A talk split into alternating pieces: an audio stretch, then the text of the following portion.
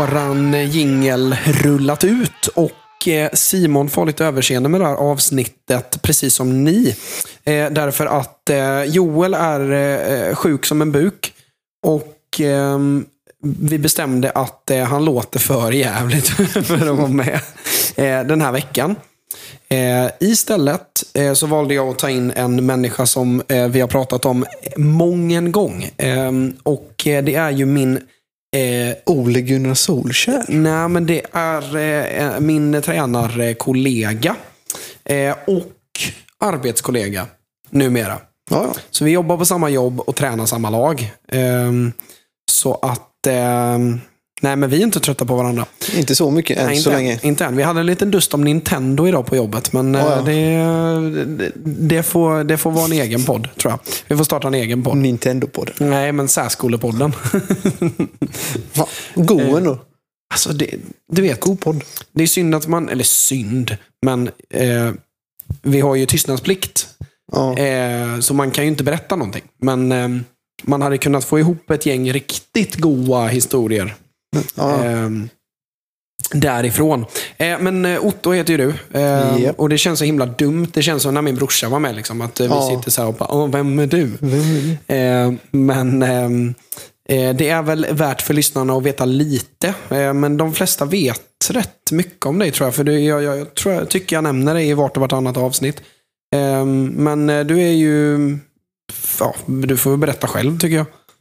Ja, i, eh, om man ska börja med mig så är jag 19 år bara. Många tror inte det, men det är jag. Ehm, Du ser ju äldre ut än vad jag gör. Ja, det är bara på grund av eh, lite flax med skägg. Mm. Men, eh, ja, och sen eh, med fotbollen där så är jag ju först och främst målvaktstränare och lite halvt assisterande. Har ju fått bli lite så. ehm, med tanke på hur våran stab eh, såg ut förra säsongen så blev det ju lite både och. Ehm, så det var ju vi som var vapendragare där mest. Japp. Ehm, men förhoppningsvis i år så får du fokusera mycket mer på målvaktssidan. Eh, och du är ju målvakt sedan tidigare också. Eh, Ja.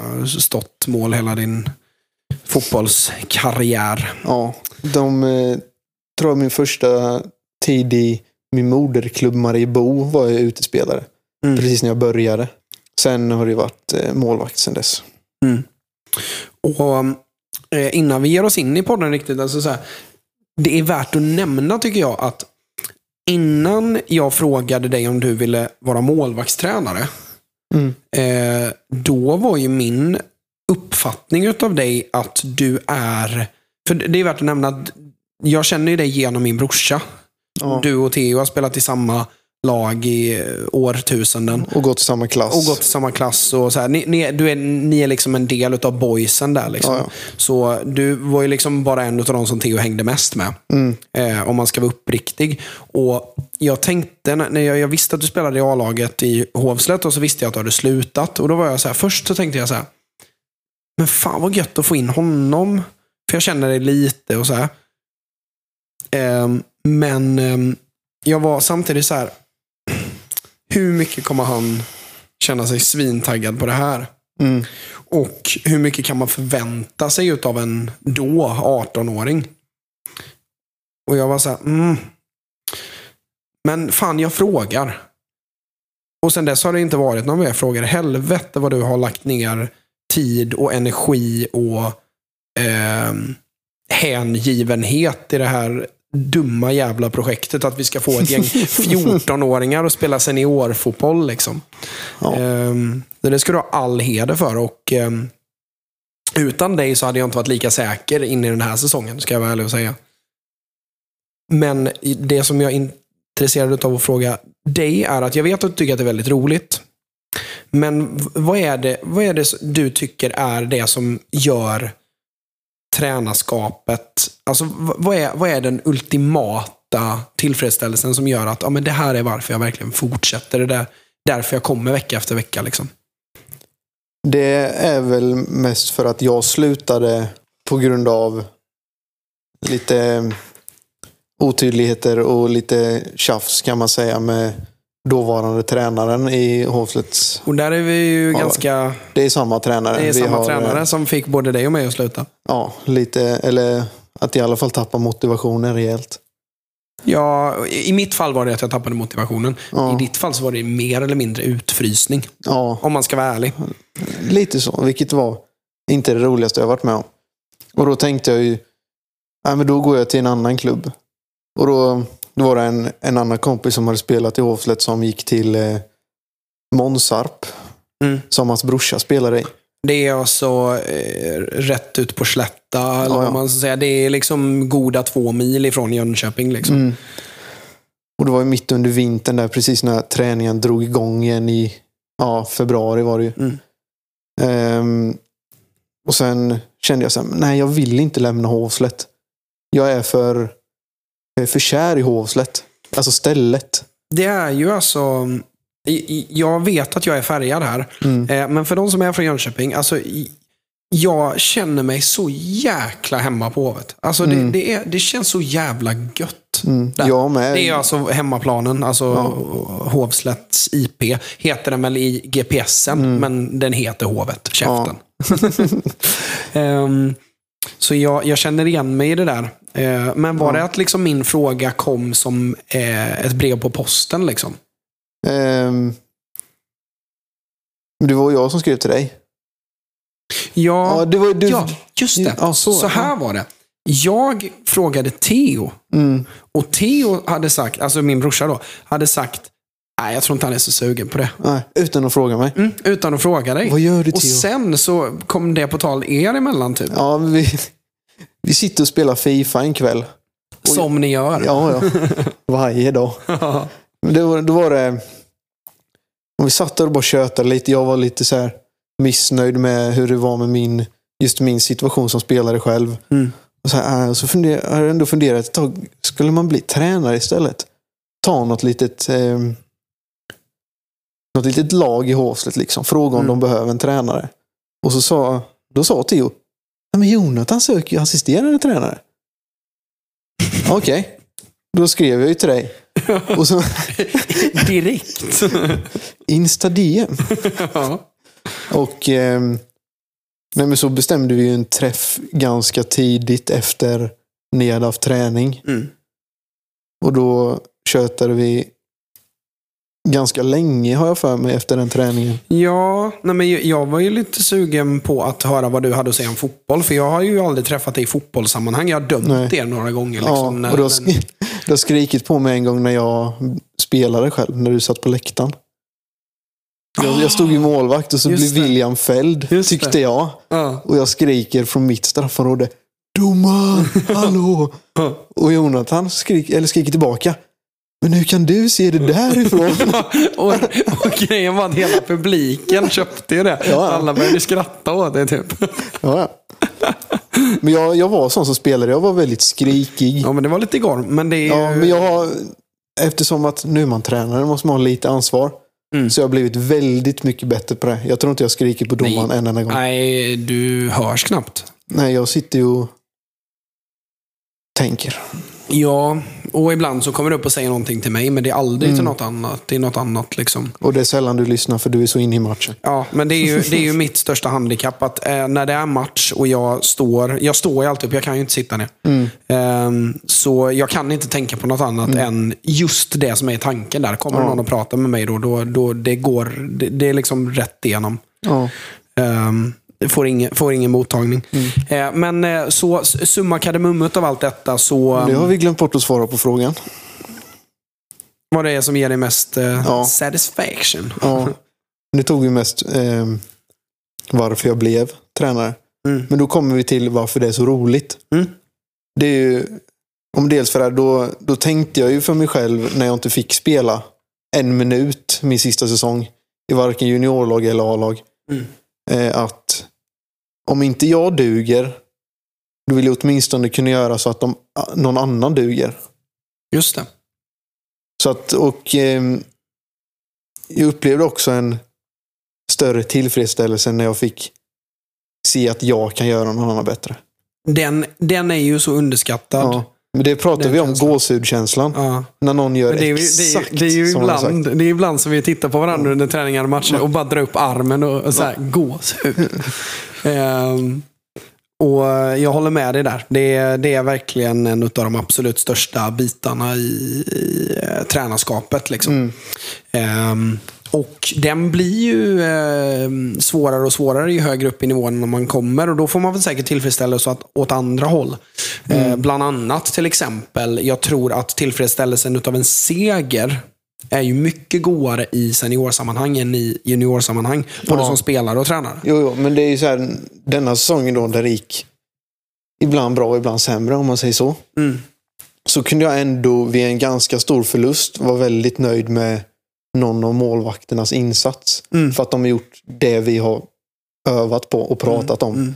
Inte att de släppte in kanske fyra, fem mål. Mm. Utan det de gjorde bra. Ja. Håller med. Eh, så det är Otto för er eh, och eh, ni ska ta väl hand om honom och följ honom gärna på Instagram eller hör av er till honom om ni tycker att han är mysig. För mysig det är han. Det kan, det kan ingen säga någonting om. Inte ens hans ex kan säga att han inte är mysig. Det är, det är, jag tror att det är totalt unisont. Ifrån alla åldrar och alla kön tror jag. Ja, Det, det är så, om, om någon skulle be mig sammanfatta Otto skulle jag säga mysig. Messi. För att du är eh, lugn och sansad. Eh, och lätt att ha att göra med. Eh, nog med det. Nu ska ju du få liksom trilla in här i våran, i vårat, eh, i våran drill. Eh, och vi ska ta oss an eh, lite frågor. Eh, först och främst eh, så vill jag bara ta med att eh, en kille som heter Leo skrev, det, det här är typ det bästa berömmet jag någonsin har fått, tror jag. Eller jag, jag tror det är Joel som får berömmet. Eh, men som jag har varit med om, det är att eh, det är en kille som heter Leo som skriver, jag tror aldrig jag har lärt mig så mycket av en podd som jag gjorde idag. Tack för en jättebra podcast. Mm. Det var, vi pratade om uppspelsfas för målvakter tror jag. Eh, Förra avsnittet. Och det var många som hörde av sig kring det. Att det, fan vad lärorikt det var. typ. Mm. Eh, Och det var ju bara Joel. Det, det tar jag ingen cred för alls. Eh, Utan ehm, det är ehm, ehm, väldigt kul helt enkelt. Men som en liten uppdatering här då. Så för er som har lyssnat på podden ideligen. Ni vet ju att vi håller på att lösa tröjsponsor. Vi håller på att fixa så att eh, Karlskoga eh, ska ha Gräsrötter Podcast på sin ehm, tröja till nästa säsong. Den hade varit sjuk. Den hade varit så jävla nice. Och grejen är att det hade varit så sjukt kul. Om du, jag vet att du lyssnar Adam. Eh, så det hade varit sjukt fett att varje vecka när det är säsong då eh, och vi har dem som tröjsponsor så får Adam eh, så ringer vi Adam så får Adam summera matchen för i år, eller för veckans match. Liksom, hur det gick i matchen. Liksom. Det hade varit mäktigt. Det har varit så sjukt kul att ha den som en följetong. Liksom. Inte bara att Ja. man har en tröjsponsor, utan att man verkligen följer det. Ja, och att det inte blir Håslet, Nässjö Mm. och Premier League. Precis. Det blir någon helt annan Ja, klubb. precis. Det har varit så sjukt kul. Och det har tagits lite steg i rätt riktning nu då. Mhm. Eh, jag ska inte säga att det är klart än, men ehm, det har varit styrelsemöte. Oj. Jag säger inte mer än så. Eh, och alltså, ha, går detta igenom så ja, det hade varit så sjukt roligt. För alla tror jag. Mm. Eh, att verkligen vara en del av det. Det hade varit skitkul verkligen. Eh, vi fick en fråga från en kille som hette eh, Theo. Som skriver, eh, vilket är ert favorit When We Were Kings avsnitt? Och den är spännande för att eh, för eh, er som inte vet, alltså både du och jag lyssnar väl ganska så innerligt och eh, hängivet på When We Were Kings. Eh, och jag sticker väl ut hakan och säger att det är Sveriges absolut bästa podd, tycker jag. Ja, och så är det ju intresse som spelar Ja, roll. jo, jo, alltså ja. Men, Ja, även, tycker. ja, men även så här, Simon vet jag har lyssnat på ett par avsnitt. Mm. För att alltså, When We Were Kings, alltså nu ska vi inte stå och slicka röv hos en annan podd. Eh, det är inte det jag menar. Men, ehm, men det som är värt att nämna är att väldigt ofta så handlar det ju ganska så lite om liksom själva fotbollen. Utan det är ju liksom nästan så här Petri Historia. Eller vad man ska säga. Eh, så det är väldigt mycket runt omkring och samhället och staden i fråga. Och, eller spelaren i fråga, uppväxten i vilken stad och vilket land och sådär. Men om eh, du skulle nämna ett avsnitt som är så här, det här är det bästa. Ehm, alltså automatiskt blir det lite att jag tycker att Real Madrid-avsnitten de- Galacticos. Ja, Ja, är ju för att jag är Real Madrid-supporter. såklart. Så de, är ju, de har ju varit alltså, de absolut inte mest intressanta. Speciellt när det var, vad var det? Roberto Carlos som spelade bongotrumma på Zidans huvud. Ja, fy fan vad roligt det är. I bussen. är. Men eh, ja, då, det avsnittet, eller två avsnitt. Och det är nog dubbelt va? Det, ja, kanske det var. Jag rättar mig om jag har fel. Men det var ju bland de första. Mm. Och de har hållit på rätt länge nu. Mm. Ehm, och sen tycker jag också att Messi-avsnitten var riktigt intressanta. Mm. De är ju fyra timmar långa, men De är ju helt fruktansvärt djupgående. Ja. Alltså, det är ju verkligen match för match. typ alltså. mm. Eh, och hela hans uppväxt Ja, innan det, liksom. precis. Ehm, Och Drogba-avsnitten tyckte jag om också. Håller med. Ehm, jag tycker att Indios Juarez var otroligt intressant. Alltså det är ju om en mexikansk klubb som ligger i en stad som snittar 12 000 mord om året. Eller vad fan det är. Alltså det är något, så här, något sånt sjukt.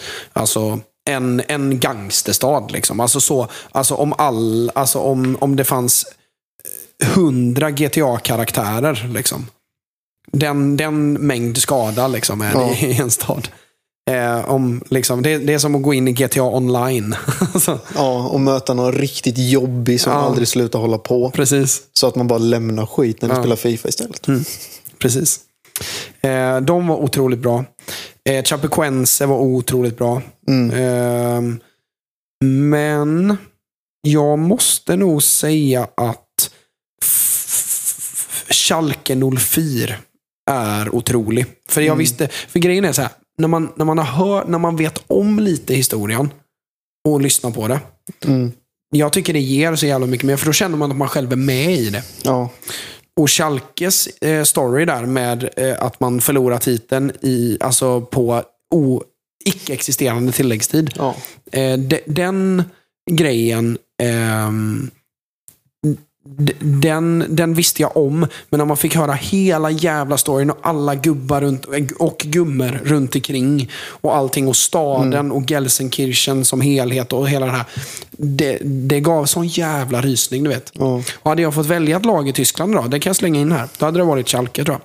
ja, men det är ju en klassisk klubb. Som är- man, så det går ju inte riktigt att ogilla Men de är sämre, alltså det, det är värre än Hammarby. Liksom. Hur fan Ja. har de inte vunnit? Liksom? Ja. En av Tysklands största städer liksom, som inte har en klubb som, en klubb som är liksom mäktig, har länge varit ekonomiskt stark, Mm. med ett jättefölje. Jag vet inte vad arenan heter nu, men Veltins hette den ju länge. Uh, Veltins arena. Jag vet inte vad den heter nu, men hur eller haver så, ehm, så är det ju helt otroligt att de inte har vunnit. Liksom. Mm. Det, är- det, är helt, Och- det är bortom mig. Liksom. jag tänker speciellt den säsongen, jag kommer inte ihåg exakt vilken det var, men när de slog ut Real Madrid i Champions League. Då, det måste ju vara i början av när, när Raúl var där va? Ja. Det måste ju varit så här 11 eller någonting. Ja. 12. Jag kommer ihåg det jätteväl. Mm. Ja, men jag, För jag där, där, minns- satt, där satt jag liksom nio år. Precis blivit alltså, riktigt insatt i fotboll och Mm. kollat mycket. Mm. Och då sitter man och ser Real Madrid förlora mot Schalke och undrar vad det är för gäng. Mm. Jag minns den säsongen så väl för att Raul var ju verkligen en av de som verkligen gav ett, en liten spotlight på en jävligt ung Julian Draxler. Just. Han var ju ung som fasen när Raul kom. Och Raul och han var ju så här, de assisterade, han assisterade ju Raul till typ varenda jävla mål han gjorde kändes det som. Eh, Så jag minns att jag följde Schalke ganska innerligt då. Eh, Och det var ju märklig tid där. För att det var ju liksom ett Borussia Dortmund, Bayern München och Schalke som bara skördade i Champions League. Det var tre stora lag från Tyskland som liksom antingen chockade eller bara slog allt och alla. Liksom. Ja. Ehm, så det, det är en jävligt spännande säsong. Jag, jag tror att det, vi snackar 2011 typ. 2011, Ja, 2012. Ja, något sånt. Ehm, Men jag har en fråga till dig då om eh, Rainbow Kings avsnitten. Mm. Och det är, föredrar du när det handlar om en person eller om ett lag? lag faktiskt. Ja. Det är, jag tycker till exempel att Marek Hamsik och Kevin De Bruyne, de två avsnitten, Mm. nu blir det supernördigt här, ursäkta franskan, men ehm, de, eh, ja, det, det ska till en jävligt speciell spelare för Mm. att jag ska tycka att det är otroligt intressant att man ska kunna ha dem som en av sina bästa av, favoritavsnitt. Liksom. ja. Eh, Men jag har ju Drogba uppe där. ja, alltså, men den, jag, det jag köper riktigt det. bra avsnitt. Det, det, det är För jättebra. det var så intressant. det är ju en intressant story med. Alltså, Ja. Han blir ju inte bra förrän han är 26. Liksom. Han, är, han är en bubblare. Liksom, Han är 26. missnöjd i Chelsea ganska länge. Också bortglömt. Ja. Det visste jag ju om. Eh, För att jag blev intresserad av Drogba. Vi kan glida in lite på Drogba innan vi eh, går in på eh, de aktuella eh, fotbollshändelserna. Att, eh, mång, alltså jag har ju aldrig riktigt sett Drogba som den som vissa verkar tycka att han är. Det är, och det är många lyssnare också som har skrivit in och skickat så här, topp tre strikers. Jag tycker Drogba, bla bla bla och bla bla bla. Och att de håller liksom Drogba som topp tre strikers genom tiderna. Liksom. Mm. Det är, väl, är det inte det lite att ta i? Det har jag alltid tyckt. Ja. Och alltid sagt så här att alltså, jag håller Drogba hö- högt. Liksom. Eh, en av eh, få eh, power strikers som lyckats i flera ligor. Och eh, var ju liksom en talisman för Chelsea. Det kan man inte ta ifrån honom. Däremot så har jag alltid ställt mig frågan, liksom, men så dominant kan han fan inte ha varit. Alltså. För han, han var ju... När jag verkligen började titta på fotboll 2007-2008, då var han ju gigantisk. Men då tittade man inte på fotboll med det ögat. Liksom. Eh, och när jag verkligen började titta på fotboll med något liknande öga mot vad jag tittar på idag, då hamnar han i Galatasaray. Liksom. Ja. Eh, någonstans där är kanske de sista åren i Chelsea. Liksom. Men, ehm, men eh, eh, hur som helst så jag har aldrig tittat på Drogba med ögat som att wow vad dominant han var. Wow vad stor han var. Och tittar man på hans mål rekord eller målstatistik eh, statistik, så är den ju inte liksom skräckinjagande. Nej. Det är liksom ett mål var tredje, ett mål var 0,29 liksom. Ja. Och jag, jag tycker inte att det är någonting som verkligen är värt att nämna. För när jag tittar på Drogba, alltid när jag tittar på Drogba, det är ju ingen forward som jag hade velat ha som tränare själv. För han är ju ganska så, jag ska inte säga inkompetent, men han är ju rent av svag i det felvända spelet, tycker jag. Alltså med första touchen, ett och två tillslag, att använda honom som något annat än en striker som man dunkar upp bollar i midjehöjd på. Ja. Ehm, så jag har aldrig riktigt hållit honom så högt. Ehm, men när jag tittar tillbaka på dels att han alltid gjorde mål i sådana jävla viktiga matcher. Gjorde Ja. mål i varenda, i, då hette det inte Europa League, Uefa-cupen, matcher för Marseille och bara dunkar in mål för dem i sådana otroligt viktiga matcher. Ehm, och även i Chelsea då, bland annat i Champions Mm. League-finalen som de inte skulle vunnit. Liksom. Det fanns ju inte. ja. Det var lite flax och lite hej och lite hå. Ja, Nej, men det var så här, det var Peter Cech och Drogba som bara, Ja. eh, och John Terry som bara släpade det där laget fram genom den där Mm. eh, turneringen. Eh, sen vet jag inte ens om Terry spelade i finalen. Jag tror fan inte han gjorde det. För mig att han var skadad eller avstängd eller något. Men skitsamma. Ehm, men så jag tycker att han är jag tycker fortfarande att han är lite överskattad. Ni får gärna skriva emot mig Mm. och förklara varför. För jag vill verkligen förstå. Eftersom att jag förstår att det är många som håller honom jättehögt. Mm. Men det är så här, jag, jag tycker om han. Alltså hur, alltså som fotbollsspelare. Men det är ju då Karaktär. Ja, liksom. ja, alltså, han är för fan alltså, Mm. alltid stått upp för, alltså utan att vara politisk, så har han ändå alltid stått upp för det rätta symboliskt och sådär. Mm. Både klubb och landslag. När han alltså stoppade inbördeskrig. Och innan folk gjorde det för likes. Ja. Han gjorde det alltså för att han är, eller ja, är en bra Kille. men, liksom. ja, ja, en verkar god, verkligen god vara en, gubbe. Ja, men en helig gubbe liksom. Ja, och inte... mm, Eller att han är en sån stor eh, Chelsea-legend också. Mm. Det, liksom, det går inte att ta ifrån honom. Nej, verkligen inte. Nej, och alltså, precis som i Solskjärs fall, att eh, legender, alltså Mm. om, om, en, om en spelare rankas som en legend i en klubb, då köper jag det. Ja. Fair enough, då har de gjort något. Mm. Eh, för att det krävs mycket för att sätta sig på näthinnan för en supporter. Liksom. ja. Det är, alltså titta på typ Robin van Persie. Han gav ju stort sett United en ligatitel 2013. Alltså utan Ja. van Persie så hade vi inte vunnit den. Men jag håller ju inte van Persie som liksom, någon forward värd att liksom, verkligen komma ihåg. Liksom. Jag håller ju inte honom i höjd med Rooney. Liksom. Nej, inte, det är inte topp eh, 10. Någonsin. Nej, nej, inte i United. Och, det och i Arsenal så sabbade han ju den möjligheten. Ja. Eftersom att han gick till United. Mm. Så det, det krävs mycket. Allting ska falla på plats för att du ska bli en riktigt ihåg, ihågkommen ikon liksom, inom en klubb eller en liga. Liksom. Ja. För van Persie är ju liksom, alltså ska du se till hans målrekord och vilken forward han var, så skulle man ju lätt kunna slänga upp honom bland topp 10, topp 5 forwards i Premier Leagues historia. Men sättet han hanterade sin karriär på gör ju att många inte håller honom där av rent känslomässiga skäl. Liksom. På något sätt. Ehm, så ni får gärna skicka in. Vem är eran favoritforward? Någonsin. Ja, men gör det. Skicka in eran favoritforward någonsin. Ja, utan att prata för mycket om det, vem är din någonsin? Bara ett namn, ingenting mer. Ja, men vad fan. Så här kan du inte göra. Jo, inte förklara någonting, bara ett namn. Jag måste tänka så jag inte glömmer bort någon jävel nu. Finns ju en del va? Ja. Det är inte bara två. Eh, jag skulle säga... Åh jävlar vad svårt. Mm, men det behöver inte vara alltså den som är Nej, nej, nej. som men, alla ja, tycker håller bäst. med. Bara, vem tycker ja, du om mest? Ja, du. Jag måste nog säga Samuel Eto'o eller Thierry Henry. Mm. Det är de två. Vet du vad jag säger? Mm. Marcus Rosenberg. Nej, jag skojar. Åh jävlar. Kung. Men jag har... Eh, man, blir, man blir lite färgad, men jag, alltså jag älskar Karim Benzema. Jag tänkte precis. Jag, jag tänkte skulle... Trots det med... Du skulle inte säga något? Ha. Jag älskar Karim, Bitch. Karim Benzema som fotbollsspelare. Ja, Älskar exakt. honom. exakt. Ehm, nog om det. In i det aktuella i fotbollsvärlden. Rulla jingel Simon.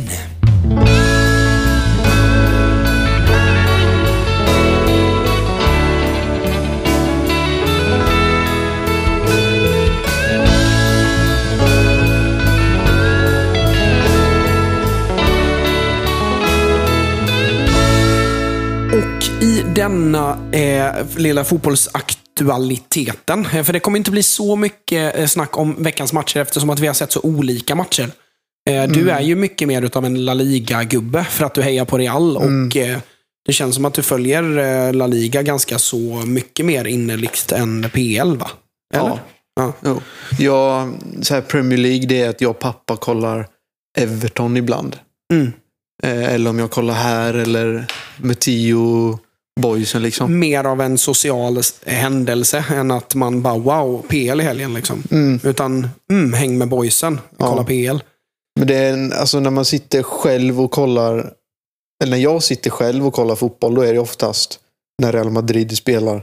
Även börjat kolla lite Real Sociedad då för att Mm. Isak är där. Just det.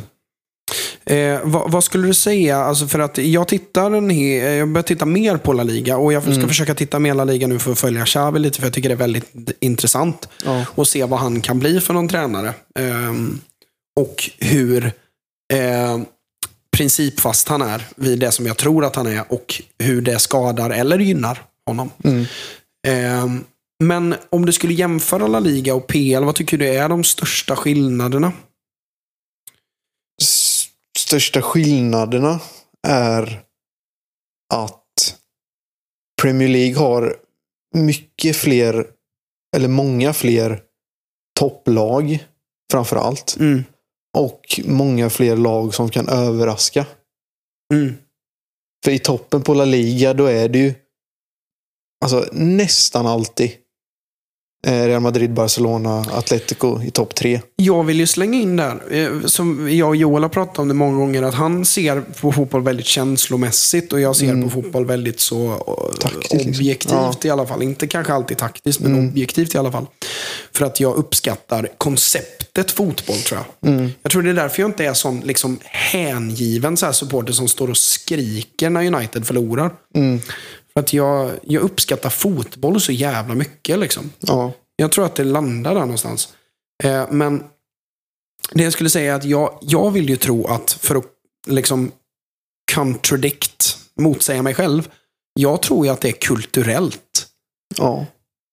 i La Liga att Real Madrid och Barcelona är på en kulturell nivå som är så hög att Granada, alltså det är en sån mental, ett sånt mentalt berg att ta sig över. Mm. Att ens tänka tanken att kunna slå Real Madrid. Mm. ja men det är ju, dock är det ju alltid något nedre halvan-lag som slår Real Madrid varje säsong. Ja, men jag menar titta på plumparna som de stora PL-lagen åker på. Liksom. Mm. Alltså Liverpool. Ja. Eh, torska mot ett visst, värt att nämna, starkt West Ham.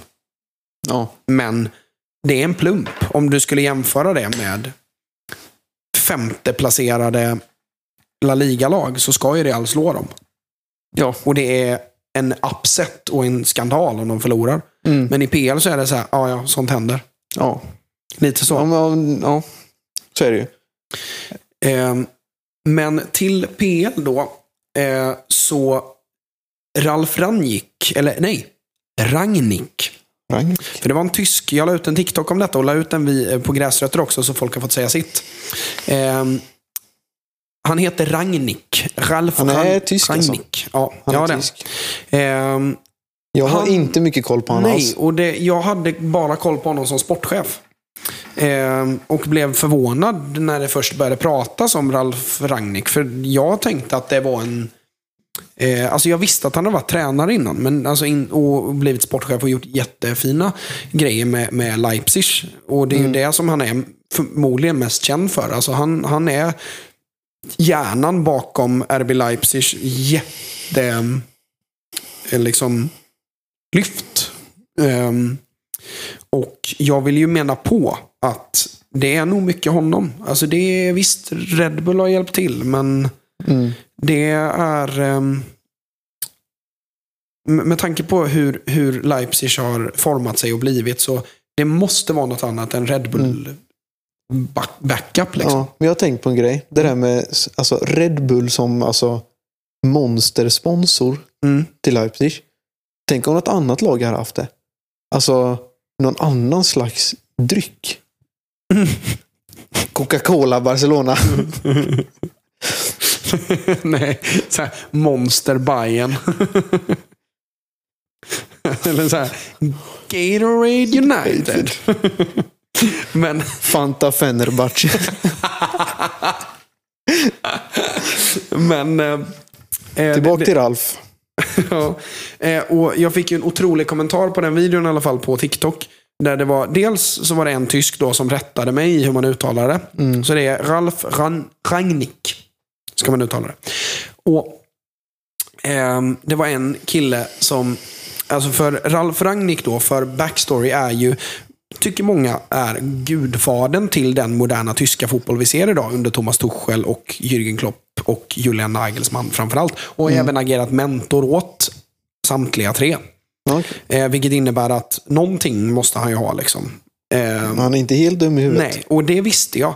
Men jag visste inte om hur pass kompetent tränare han var. Man har ju många mentorer som inte kan utföra det man gör bättre, men som är en bra mentor. Liksom. Mm.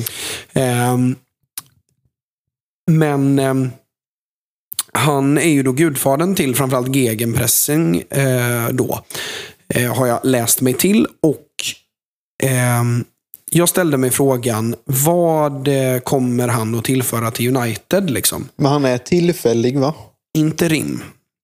Alltså tillfällig. Mm. Men jag, ehm, jag undrar det alltså. Men kommer det bli samma som Ole? Det kommer gå bra ganska länge. Och så bestämmer de sig för att behålla honom. Men jag, Ralf the ja. wheel. men jag, jag, jag åh, hur fan ska jag framföra det här på något bra sätt? Eh, för, förutom, jag måste först bara knyta ihop den säcken. Att eh, Han heter ju Ralf då. Och han har eh, eh, funtat eller myntat gegenpressing. Så det var någon som hade kommenterat Röjar-Ralf. jag tyckte det var en genialisk, eh, ett genialiskt smeknamn. Mm. Som jag ska börja använda. Så det här avsnittet får heta Röjar-Ralf. Eh, för att det är eh, en fantastisk benämning. Mm. Eh, men eh, det som jag undrar då med Ragnik, det är om han... Alltså, för antingen så är det att Ragnik tar det och United tänker att ja, men han tar över som interim och sen så antingen så går det så bra att han fortsätter eller så stannar han i, hos oss som någon form av sporting director, bla bla bla. Mm. Det är lite diffusa titlar där i England. Det finns ju hundra olika sporting, bla bla bla. Ehm, men jag tror ju att United tänk, alltså jag tror att United är så dumma att de tänker att det här bara ska vara en tillfällig caretaker. Mm. Så att de inte behandlar det som, alltså behandlar det seriöst. För grejen är så här. Om man tittar på, på vad Ralf Ran- Rangnick har gjort. Så har han dels varit otroligt framgångsrik eh, tidigt 00-tal med tyska lag som inte har några förutsättningar. Tar Hoffenheim ifrån så här, innan det fanns så här Zweite Bundesliga och vad heter det, tredje Bundesliga. När det, när det bara hette division, bla bla bla. Därifrån, från typ division 2 och 3, upp till Bundesliga, bara pang, pang, pang. Och skörda jätteresultat med ett gäng som inte ska göra det. Liksom. Det är eh, Klopp i Mainz innan Klopp i Mainz. Liksom. Eller Tuchel i Mainz, fast Tuchel hade väl lite bättre förutsättningar. Men ni fattar poängen. Det är, det är denna tränaren. Och han har dessutom då bevisat sig vara jävligt bra utanför plan också och gjort en fantastisk eh, sejour med eh, Leipzig då. Tar man in honom som en kortsiktig lösning? För det känns verkligen som att det är så de tänker. Är ni dumma i huvudet eller? Då tar man ju in... Alltså ska man gör tänka, de? Ja, men, ja, men ska man ta in en kortsiktig ersättare då? Då får man väl ta någon så här trött eh, Gus Hiddink eller någonting. Ja, eller fortsätta med Carrick. Ja, precis. Carrick Kort, kortsiktig lösning. Ja. Men det, det verkar ju som att de tänker att det här ska vara en kortsiktig lösning. Som att de ser honom som någon jävla vikarie. ja. Och man är så här, alltså, tittar man på vad han har gjort och vilket läge han kommer in i United. Alltså en klubb som eh, inte bara eh, sli, slidar lite i tabellen utan som också verkar ha ganska tydliga problem i sättet klubben är styrd på. Det är ju en guldklimp. Alltså det, är- det, är ju, det är ju typ det bästa som kan hända Manchester United. Det kom in en tysk jävla VD ja. och visar var skåpet ska stå. Hur en klubb ska styras. Hur ett lag med de här typen av spelarna ska spela. Mm. Jag ser det ju bara som guld. Ja. När eh, börjar han arbeta? Han annonserades ju idag, alltså måndag förmiddag. Vad var det idag? Blev det officiellt. Mm. Men det har ju varit liksom klart och det har redan varit läckt länge. Men Ja. idag så gjorde klubben klart att Ralf Rangnick tar över Manchester United resten av säsongen. Mm. Ehm, men eh, utav det som jag snappar upp ifrån det lilla man får höra ifrån själva Manchester United så verkar det som att de vill ha en tillfällig ersättare och att, de, att det valet då har fallit på en Ralf Rangnick. Men eh, att man har Ole som eh, alltså permanent tränare Mm. så länge. Och sen ta Rangnick som låter, av det du har sagt, ganska asvettig. Det, men precis, det, Det är det är, väl- en gudfader liksom. Ja, men då, ja, jag får inte ihop det. Nej, hur de ja, tänker det- i så fall. Nej, precis. Jag fattar inte. För, ja, precis som, precis som det jag har sagt. Jag, jag, jag har så svårt att se att United ska gå ifrån att fumla mellan alla tränare och, alltså för grejen är, tittar man i backspegeln nu då, så är det ju ganska så, alltså från, jag tycker att den enda vettiga tränaren som de verkligen satte, det var David Moyes. Nu visade det sig inte bra och inte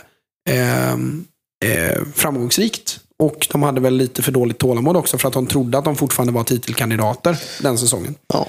Eh, Men i backspegeln så är väl det en ganska vettig rekrytering. Mm. Sen kommer Louis van Gaal. Och det är den dummaste värvningen jag har varit med om. Jag kommer ihåg det så väl. Du vet när han filmar. Kommer du ihåg det? Ja, Får se dem. Just det. Han går nära, vad är det? Fjärdedomaren han går nära. Och bara lägger sig ner. Och upp med händerna som att eh, fjärdedomaren har slått honom. Tycker man att Mourinho är lite teater. så Louis van Gaal. Men grejen är så här.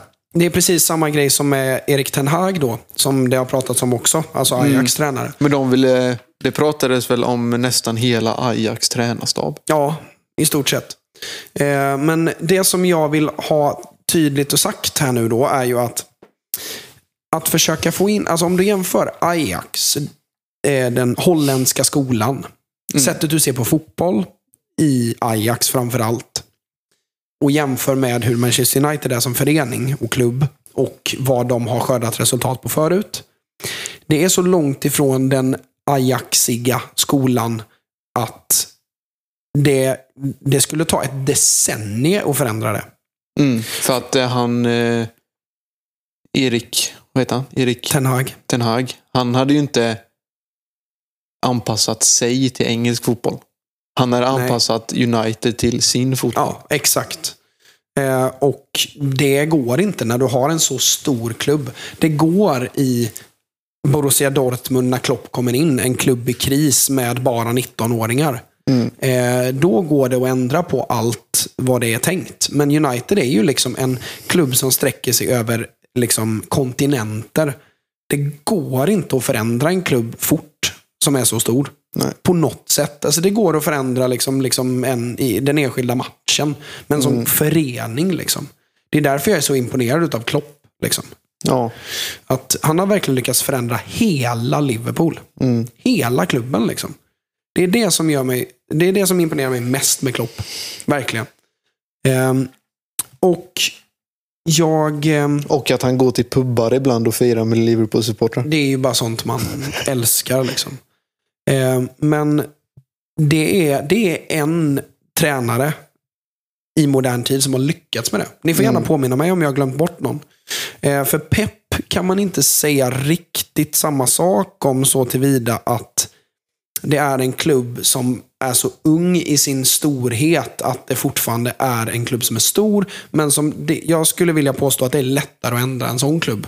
Mm. Än en av världens mest anrika engelska klubbar. Ja, det känns ju som att, vad är det?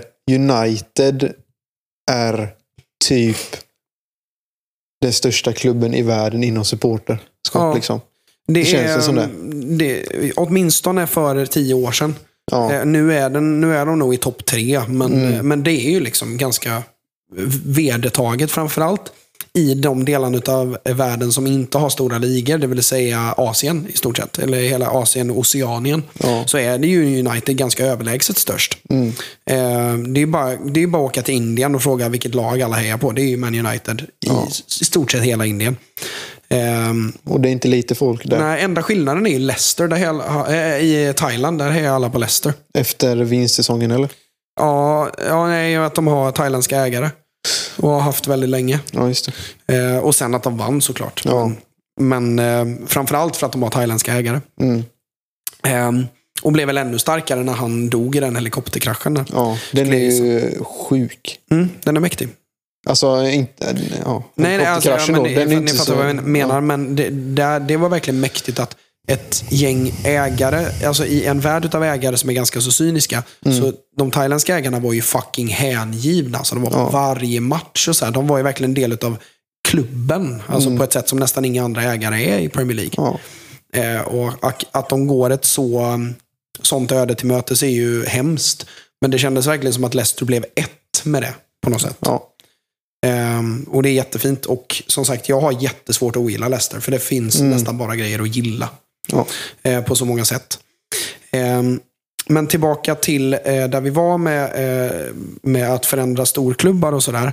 Så det är därför jag är liksom entusiastisk över Ragnik. För att jag tror att han är så pass klok att han vet om detta. ja. Annars hade han inte tagit det här. Nej. Ehm, Men frågan är ju vad hans vision är. det är intressant. Vi kanske glider in i det lite sen. Men Mm. jag tror att Ranjik hade någonting att göra med uttagningen till Chelsea-matchen. Du tror att han var inne och pillade lite där? Jag tror det. Sett till hur de spelade. Framförallt på Ja. offensiv planhalva. Nu ska jag citera Joel här. Jag såg ju bara highlights av den matchen. så jag vet inte riktigt hur det var, men... Jag såg att det var en tveksam straff till Chelsea och... Den är ytterst tveksam. Men vi, vi, vi hedrar Ja. oss där. Ehm, för att eh, vi behöver inte säga så, mer, eh, så mycket mer om Ralf Rangnick annat än att ehm, det ska bli jättespännande att se. Ehm, men vidare in i eh, eh, nästa aktualitet. Eh, rulla jingel Simon. Där ju vi fick lottningen till VM-playoffet. Mm. Och Sverige ställs emot Tjeckien. Innan Först vi- och främst Tjeckien. ja, Alltså, ja vinner och precis, så blir precis, ju precis. Första mötet Ja. mot Tjeckien. semifinalen. Men det som gör mig jävligt eh, exalterad över det här playoffet. Eh, jag ska säga att jag är fortfarande ganska ljummen i mitt intresse till själva fotbolls-VM 2022. Kanske Mm. till och med ointresserad. Vi får se. Det, det brukar ändra sig ju närmare mästerskapet man kommer, men jag tror fan inte jag kommer vara så taggad på ett Lucia-mästerskap i, en, eh, i ett eh, oljeparadis. Ja, istället för svenska supportrar med vikingahjälmar så kommer det vara alla supportrar med Lucia-krona. och tomteluvor. du vet, ser man en, en eh, blågul målad eh, tjock farbror med Lucia-krona. Någon som kommer dit som pepparkaka. och det Och blir sånt liv. Ja, sånt ramaskri. Ja. Ah. Nej. Just det, för det är bara vi som firar Lucia. Ja. så ingen fattar. Alla bara, shit, de kör blackface. Eh, men eh, skitsamma.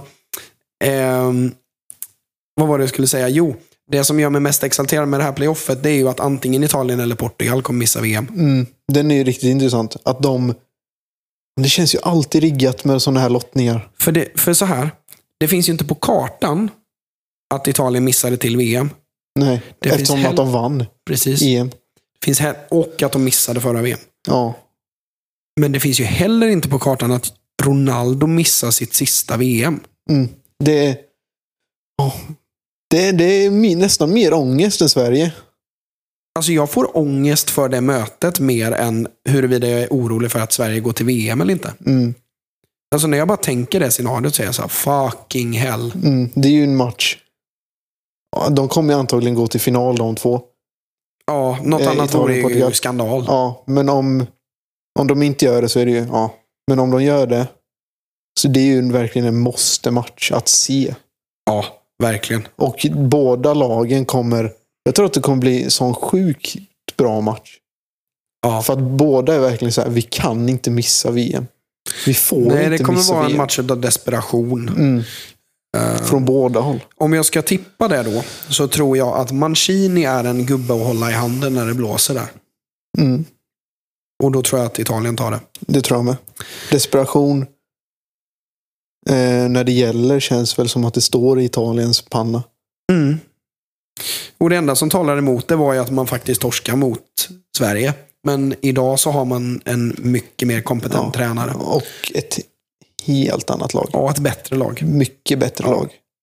Det var, Både- ganska, det var helt okej lag mot Sverige då i det här kvalet. Men det var ju ganska dött, Italien.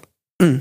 Ja, jag håller med. Och ehm, ja, behöver inte köta ihjäl oss om den matchen, för den är snart fyra år gammal. Men jag tycker att ehm, den matchen ska bli jävligt intressant. Men eh, om vi går till Sveriges del då, så var jag ju Mm. så här, och jag sa det till dig precis innan vi började spela in, att jag hade tagit vilket lag som helst som inte är Italien eller Portugal.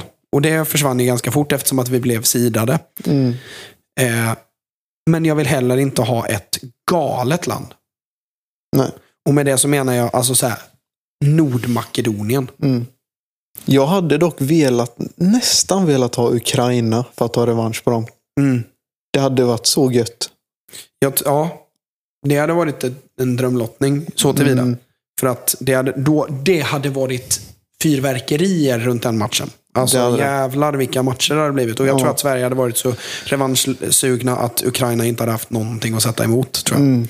Eh, däremot eh, så, jag tror att så, så här, i ett playoff så vill man inte ha Turkiet, man vill inte ha Nordmakedonien, man vill inte ha så Albanien eller Mm. Kosovo. Alltså man vill inte ha något land som är, så här, som är liksom litet, där liksom alla kan vara på arenan. Eller som Ja. i Turkiets fall, då, att, att folk är galna när det kommer till fotboll. Mm. Inte att det är ett land liksom som så här, har bäst spelare. Det är inte det jag är rädd för. Det är att 70% av invånarna är huliganer. Ja, men 70% utav s- stadion. Alltså Det är det jag är orolig för. När man kommer till en bortamatch och det är kaos på läktarna. Mm. Det säger ju alla som har kommit till Galatasaray liksom, och spelat Champions typ. Och då är ändå Champions ganska städat i jämförelse med hur det ser ut i ligan. För att då får man inte ha ståplats och så här. Men alltså vad som helst utom ett galet land eller Italien eller Portugal. Och så blev det ju. Vi möter Tjeckien och det är ett land som eh, dels inte prioriterar fotboll, om man ska se till helhet. Liksom. Eh, och som heller inte har ett lag man behöver vara livrädd för. Det är ju det centrala mittfältet i stort sett som jag är lite... Ja, Zuzek. Ja. Och um, Sen har de ett par goa ytterbackar med. Liksom. Kofall Mm. och vad heter han då i Hoffenheim? Kadnarek? Ja, något sånt. Och sen vill, hopp, får man ju verkligen hoppas på att eh, Patrik Schick inte är i sin EM-form. Nej, precis. Bara vakna till liv igen. Ja. Nej, det får man ju hoppas. Ehm, men hur eller Olsen håll dig i målet. Vad sa Spring du? Olsen håll dig i målet. Mm. Spring inte ut så att Schick får skjuta från eh, halva plan. Nej, precis. Jävlar vilket mål det är för övrigt. Ja. Ehm, men, nej, men jag, jag är ganska optimistisk inför det första mötet. Mm. Eh, sen får vi väl se, vilka är det man kan möta där då? Det är ju Andra mötet. ja, det är Österrike eller Ryssland va? Eh, Eller? Ja, det var det va? Jag ska inte svära på det. Och jag, Jag kollar upp snabbt här. ja, kolla upp det. Eh, det är ju Ryssland eller Polen. Mm. Mitt fel. Ehm, Jag är lite rädd för både Ryssland och Polen. Ja, och jag säger samma sak igen där då, att då vill jag inte ha Polen. För jag vill Nej. inte möta dem på bortaplan. Nej. Jag vill inte att Wisla Krakow och Arka Gdynia-fans ska gå ihop och eh, skandera sjuka grejer på läktaren när vi ska spela playoff-final. Mm. Eh, utan då tar jag hellre Ryssland som är lite mindre fotbollstokigt. Ja. Ehm, Men de kan ju vara, alltså, det kan ju bli en tuff match alltså, mot ja, Ryssland. ja, ja, ja. Det, alltså, det, in- Ingen av de här matcherna kommer bli lätta. Nej, och ingen kommer vara roliga. Man kommer ju sitta med alltså, ischias i ryggen. det, det kommer vara vansinne. Mm. Men ehm, Fingrarna framför ögonen liksom. ja, Knappt våga kolla. Ja. Stressäta cheese doodles. ja, ja, verkligen så. Ehm, men eh, som sagt, det ska bli jävligt kul. Eh, Mm, det är, alltså, det är en, ändå en rolig grupp för att det är relativt jämna lag. Ja, verkligen. Det, det måste man säga. För det är ju verkligen... det, det, jag ser ingen favorit i varken Ryssland eller Polen. Kanske att Sverige är lite favorit i Tjeckien, men Mm. nej, det, det ska... Det, det, det är tajt som fan. Ja, men jag tror det är också bra för Sverige. Ja. Jag tror det blir jobbigt att möta liksom ett Kosovo. Om det skulle varit så liksom. Mm. Ehm, just för att det blev som det blev mot... Vilka var det?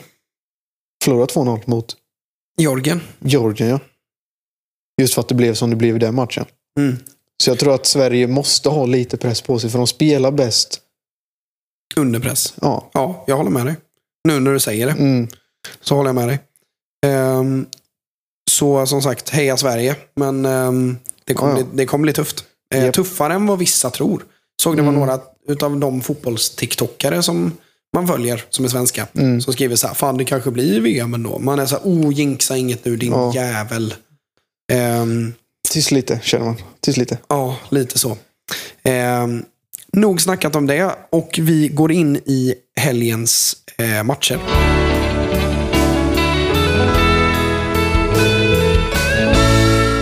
Där vi hade, eh, nu vet jag inte om du har sett några PL-matcher den här helgen. Citera Julian. Bara sett highlights. Mm, precis. Eh, men jag hann se en hel del faktiskt. Och jag hann se eh, Arsenal Newcastle, eh, Liverpool Southampton eh, och Brighton Leeds hann jag se. Eh, och eh, för att det inte ska bli för eh, entaligt det här så går vi igenom dem ganska fort. Och värt att nämna är att eh, Fantasyhörnan är med eh, den här veckan. Det är bara det att Joel spelar in den på egen hand. Ehm, så det kommer en fantasyhörna mot slutet, eh, men han spelar in den som, som, eh, som sagt på egen hand. Eh, men Arsenal mot Newcastle där, så tycker jag att Arsenal ehm, ehm, för första gången, tycker jag, den här säsongen, verkligen tar en, två, en trepoängare som jag känner så här, promenadseger. Mm. Enkelt. Och det jag förvånas utav, eller imponeras utav, eh, det är att eh, Smith Rowe är totalt dominant. Eh, och Ben White börjar verkligen ta form alltså. Och fattar du då, kommer du ihåg i början utav den här säsongen, när man satt vid Arsenal och tänkte tre matcher, nio insläppta, noll gjorda. Mm. Det var aj, aj, aj. I år igen. Ja.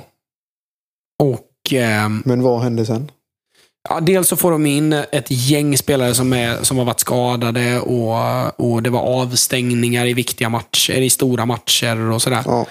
Men eh, så som Ben White ser ut nu, eh, så är han bättre än vad jag trodde att han kunde vara i Arsenal första säsongen under Arteta. Mm.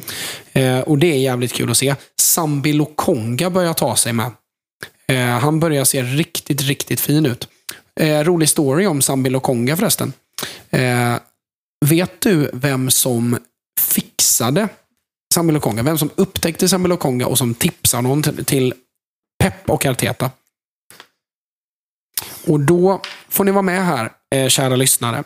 För då kommer första ledtråden på fem poäng. Det är en Premier League-vinnande kapten. Vincent Company. Oh jävlar! Du tog den. Jag tog en. Fy fan, hur fan plockar du den? Chansning. Ren chansning. Oh jävlar. Det var bara Pep, Ar Arteta, Ah, Premier League-vinnande kapten. Va, måste ju vara Vincent. Mega. Jag trodde du skulle ta det på att Zambi är belgare och Company är belgare. Jaha, ja nej. Och Jag Company är ju någon form utav eh, så här, head of sport, bla bla bla, i eh, Anderlecht. Mm. Eh, vilket betyder att han har sett Zambi en hel del. Eh, men han, han, jag tror på riktigt alltså, han berättade storyn i någon intervju. Han mejlade typ Arteta och Pep i ett så här dubbelmail. Ja, Tjena, tjena. Han skapade en Snapchat-grupp. Tjena, tjena. Jag har sett en spelare här. Ja, ja, men typ så. Vi har en spelare här, Sambi Lokonga. Mm. Ta en titt. Och Arteta plockar. Take a tit. Mm. Ehm, och så blev det. Och han börjar verkligen ta sig. Eh, Den enda jag är rent av ehm, eh, lite besviken på är Martin Ödegård. Ehm, Mm. Och eh, han eh, ser inte ut att riktigt hitta sin plats i det här. Det är istället Smith Rowe som är överallt och ingenstans och Ödegård som spelar någon form av alibi mittfältare. Eh, vilket är lite tråkigt att se. Men jag och pappa satt och pratade om det, för vi satt och kollade Newcastle, eller Arsenal Newcastle eh, ihop. Och då sa vi så här, typ samtidigt så här, fan att det blev en spelare utav Ödegård alltså. Hur Ja. många 15-åriga stjärnskott har man Ja. inte sett värvats till en storklubb? Ja, Eller? men det sjuka var att han gick till Real Madrid när han var 15. Det var ju här något klipp ifrån det. När han sa hej då till sina klasskompisar. Ja. En norrman, 15 år, ska gå till Real Madrid. ja. Den första matchen han spelar är att han byts in och Ronaldo byts ut. ja. Tänk den känslan som en 15-åring. Ja, det måste ju vara helt... Eh, 15 eller 16 eller vad han var då. Det måste, kan ju inte gå att ta in liksom. Nej. Alltså hade jag stått där på linjen och så kommer Ronaldo och ska byta med mig. Då liksom, det är lugnt, Krille. Mm. Jag sätter mig igen. Mm. Verkligen. Mm. Ehm, men så många spelare som man har sett och så som det såg ut också. För det såg ju inte bra ut för Martin Ödegård. Nej, han var ju... Han var ju helt borta ur allas tankar. Han var ju i Madrid Castilla va? Ja. Och bara latchade på där. Med Zidane, värt att nämna, Mm. som tränare där. Eh, och där man tänkte att nej, men det blir inget utav honom. Liksom. Lånades ut och lånades ut och holländsk klubb på holländsk klubb. Och, och så helt plötsligt så gör han en jättesäsong i, Sociedad. nej, inte Sociedad, utan holländsk, sista holländska klubben han var i. Heerenveen va? Kan det ha varit det? Jag kommer inte ihåg. Skitsamma. En utav holländska klubbarna. Ni får gärna Mm. rätta mig. Ehm, som man gör en jättesäsong i. Och helt plötsligt så finns det intressen ifrån andra spanska klubbar. Det, det fanns ju inte på kartan året innan det. Liksom. Mm. Men eh, vad jag hade tyckt om att eh, om han hade stannat i Sociedad. Mm. Där var han ju bra.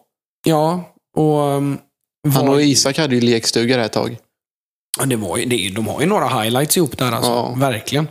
Ehm, men har ju, jag tycker att han har problem med eh, tempot i Premier League. Mm. Jag tycker att han har problem i eh, snabba beslut över korta anfall. Mm. Eh, där ju visst Real Sociedad spelar ganska, om man ska jämföra med andra spanska lag, ganska så direkt. Men allt sker efter marken, efter kontroll, precis som alla spanska lag. Eh, men i Premier League så blir det mycket mer situationsbaserat och hipp som happ än vad det Ja. blir i eh, framförallt La Liga.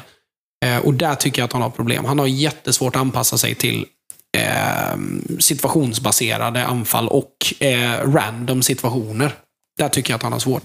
Ja. Han känns, det känns som att han är alldeles för välskolad för att verkligen liksom, eh, kunna ta del av och nyttja saker som händer av en händelse. Liksom. Mm. Eller av en slump. Eh, och där tycker jag att han stagnerar. Men där är ju Smith Rowe en jävla... Ett geni alltså. Guldgosse. Otroligt bra. Ehm, och eh, Thomas Partey är ju, börjar ju mer och mer likna Atletico Madrid, Thomas Partey. Men han har mycket mer ansvar med boll i Arsenal än vad han hade i Atletico. Dels på sättet de spelar på, det är Ja. ganska olika. Men också att han spelar som en utav två sittande mittfältare. Där ehm, han får jobba mycket mer rättvänd än vad han fick göra som ensam sexa i stort sett i eh, Atletico Madrid. Framförallt i Champions League så var han ju ofta sista utposten där som centralfältare och gjorde det ju fantastiskt bra. Mm. Eh, är ju, tycker jag, anledningen till att Atletico slår ut Liverpool 2020. Eh, Ja. Han var ju helt otrolig den Och en matchen. anledning till är ju Liverpools målvakt som stod den matchen. Sant. Ehm, Det var ju en viss tabbe där som Den är skaplig. Mm. Eh, Adrian. Adrian. Duktig tabbe alltså. Mm. Och Får inte upp bollen i luften. Grejen är att innan den säsongen, då tänkte jag så här. Det är United eller Liverpool som har bästa målvaktsuppsättningen. Mm. För att Adrian var ju liksom så här, länge startande målvakt i, i ett skapligt West Ham. Liksom. Ja. Bara, fan, ta en, är han beredd att, med lite mer pengar, få ta en andra spade där han inte kommer få spela i Liverpool? Liksom. Ja. Men eh, han har ju verkligen gått ner sig sedan dess. Mm.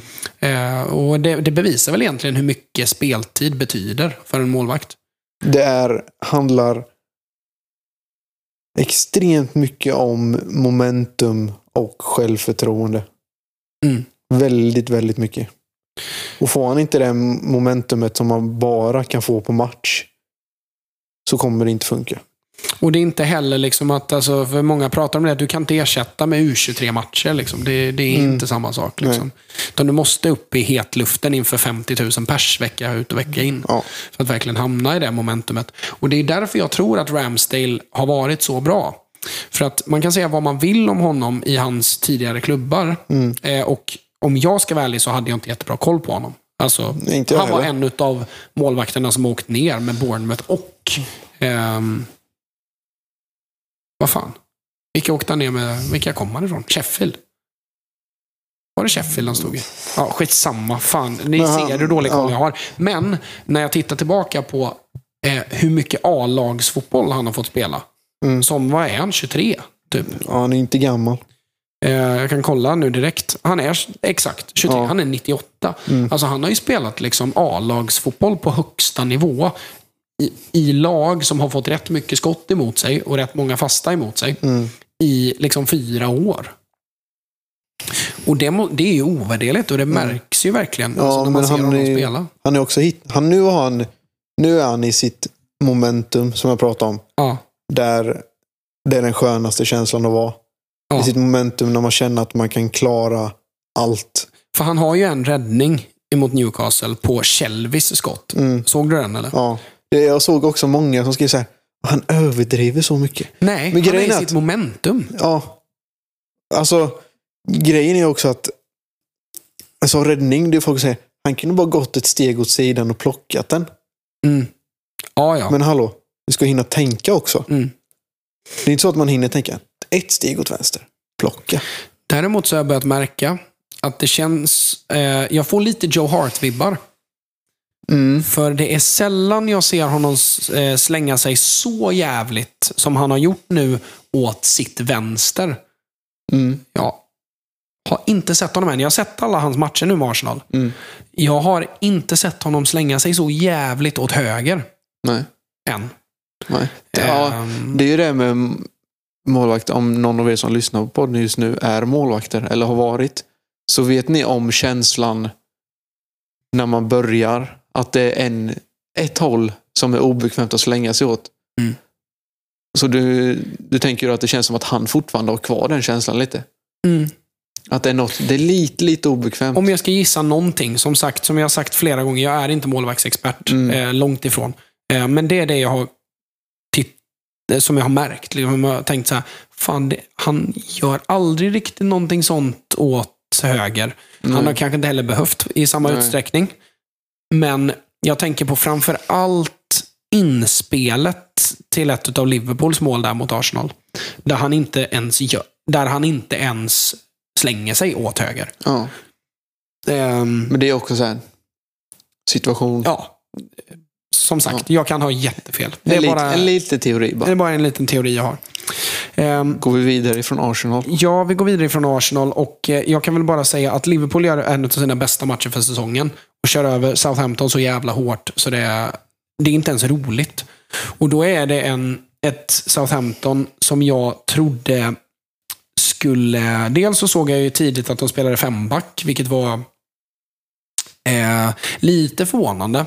Mm. Eh, eftersom att jag trodde verkligen att Hassenhüttel skulle försöka plocka upp Liverpool lite tidigare. Jag, tror att han, jag trodde att han skulle vilja ehm, eh, plocka bort Liverpools mittfält. Framförallt eh, när, man, när eh, det var ganska uppenbart att Thiago skulle starta. Då trodde jag verkligen att han skulle vilja plocka mittfältet. Istället startade han med två centrala fältare och en fronttrea. Känns lite dumt va?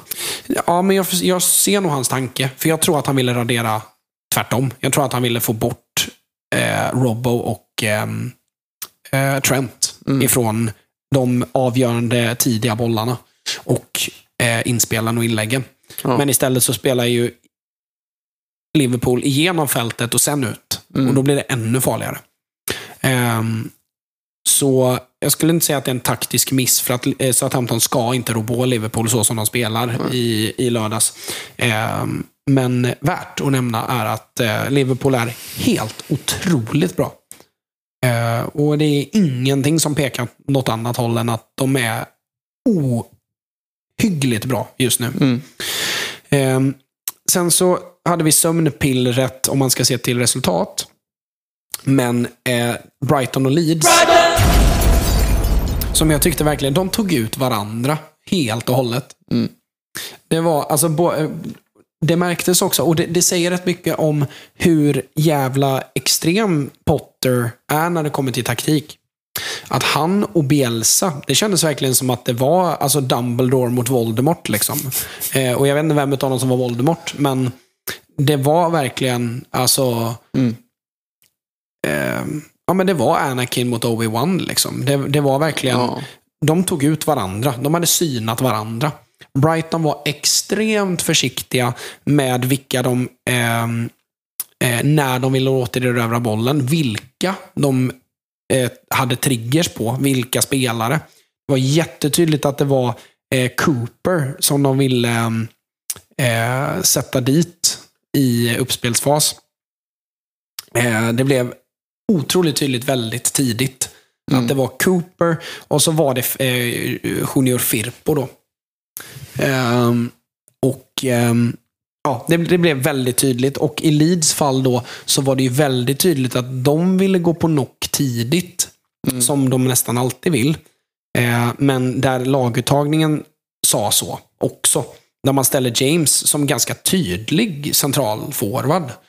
Ehm, och det är spännande för att eh, jag ser ju James som allt annat än en central forward. Mm. Känns som eh, Peta Spring på kanten på han. Ryan Giggs 2021. Ja. Utan de tekniska briljanserna. Ja. Ehm, utan bara en nöt, eh, nöta kantytter. Liksom. Mm. Ehm, som har, ska sägas har ett ganska bra skott. Framförallt distansskott. Hårt Mm. och eh, ofta på mål. Eh, eller nära mål. Eh, har ett par skrämselskott per säsong som är sådär wow om den hade gått i mål. Alltså. Både i United och tidigare. Jag har sett några klipp från Swansea också. Ja. Ehm, där han har just det. Men eh, de tar helt enkelt ut varandra. Och Brighton eh, har verkligen stått emot Leeds. Och Leeds har ju, ska jag till deras heder, de lyckas ju faktiskt trötta ut Brighton lite. Eh, vilket, inte, vilket man inte ser så ofta. Vilket gör att när Leeds sen är nedbrutna, som de alltid är efter 70, så klarar inte Brighton riktigt att liksom Utnyttja det. kapitalisera på deras eh, på Leeds eh, stagnerande. Liksom. Mm. Utan det blev helt enkelt, ja men det är som när boxarna har slagit, fått in hundra slag var och sen bara stå och andas mot varandra. Liksom. Mm. Det var verkligen så Sen det kändes. råkar knocka varandra exakt samtidigt. Ja, precis. Exakt så. Fast den här gången blev det nog ingen knock alls. Liksom. Det blev inget mål ens. Liksom. Ehm, så det var på ett sätt ganska intressant att se. Ehm, men vidare då in i söndagen så tar vi den lite fort för att jag hann tyvärr bara se en match eh, i sin helhet och det var Chelsea United och den såg ju jag och min syrra på eh, O'Learys. Hon är ju Chelsea-supporter då. Hon... Hoppsan, det var min gitarr. Ehm, Där sket jag ner mig. Ehm, vad var det jag ska säga? Hon kollar nog lite mer på Chelseas damer tror jag. Än ehm, Ja. Chelseas herrlag. Men jag tror att hon tittar så många matcher hon kan med Chelsea i alla fall. Och ehm, Det var ju en jäkla nagelbitare. Och vi kommer väl tillbaka in till Ralf Rangnick här nu då. att Så som United spelar på offensiv planhalva är det bästa jag har sett United spela Mm. i offensivt pressspel sen van Gaal. Ehm, och det... ehm, Ja, jag vet inte fasen alltså. Det, det, kändes, det kändes inte som... Jag, jag kunde inte få in att, men vänta lite nu, så Carrick har suttit på den här guldosten hela Ja. tiden då, eller? Och sen började jag tänka, och så var jag så här, ja men kanske.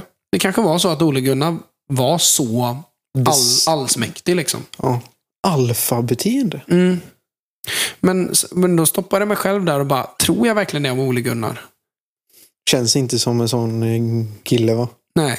Och så tittade jag på laguttagningen och jämförde den med laguttagningen eh, från Champions League i veckan.